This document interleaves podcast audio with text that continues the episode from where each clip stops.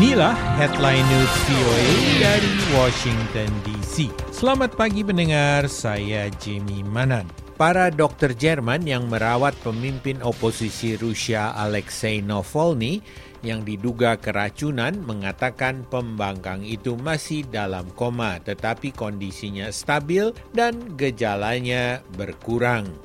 Alexei Navalny adalah seorang penyelidik korupsi dan pengecam paling keras dari Presiden Rusia Vladimir Putin. Dia jatuh sakit ketika dalam penerbangan pulang ke Moskow dari Siberia seminggu yang lalu dan dibawa ke rumah sakit di Omsk setelah pesawatnya melakukan pendaratan darurat. Minggu lalu, Novolny dipindahkan ke rumah sakit Charité di Berlin, di mana dokter menemukan penghambat cholinesteras di dalam sistem tubuhnya.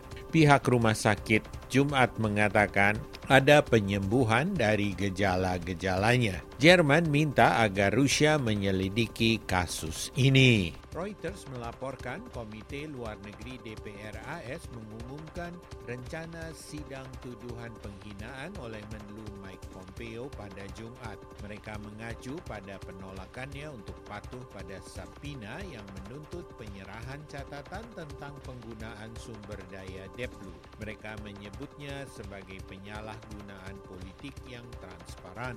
Ketua komite ini, Demokrat Elliot Engel, juga mengutip pidato Pompeo Pompeo dari Yerusalem di hadapan Konvensi Nasional Republik. Katanya dia memperlihatkan ketidakpeduliannya terhadap hukum dan aturan tentang perilaku dan mekanisme konstitusi yang mencegah korupsi di pemerintahan.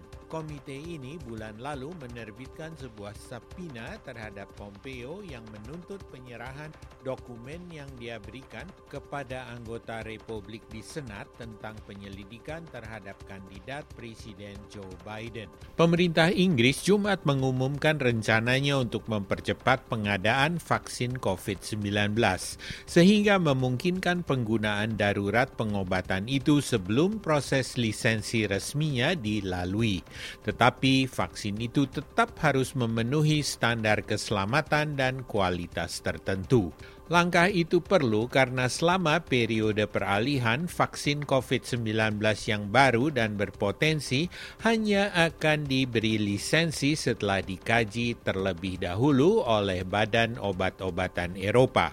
Sebuah proses yang bisa berlangsung selama berbulan-bulan.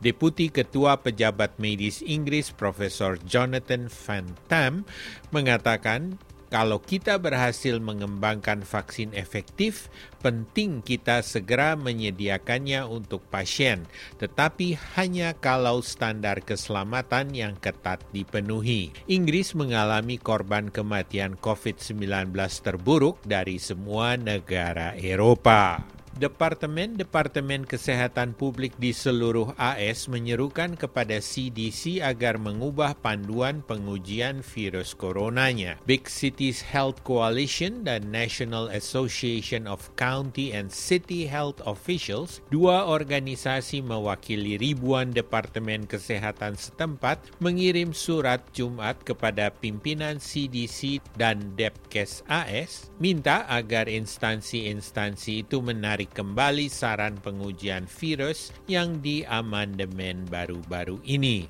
Dalam suratnya, kelompok itu mengatakan keputusan CDC baru-baru ini menyebabkan jatuhnya korban dan data CDC sendiri menunjukkan sebanyak 40% kasus COVID-19 disebabkan oleh penularan asimptomatik. Aktivis hak-hak sipil pendeta Al Sharpton mengatakan kepada ribuan orang Jumat yang berkumpul di Washington, AS perlu menyelenggarakan sebuah dialog baru tentang rasisme yang sistemik yang masih terus menghantui Amerika.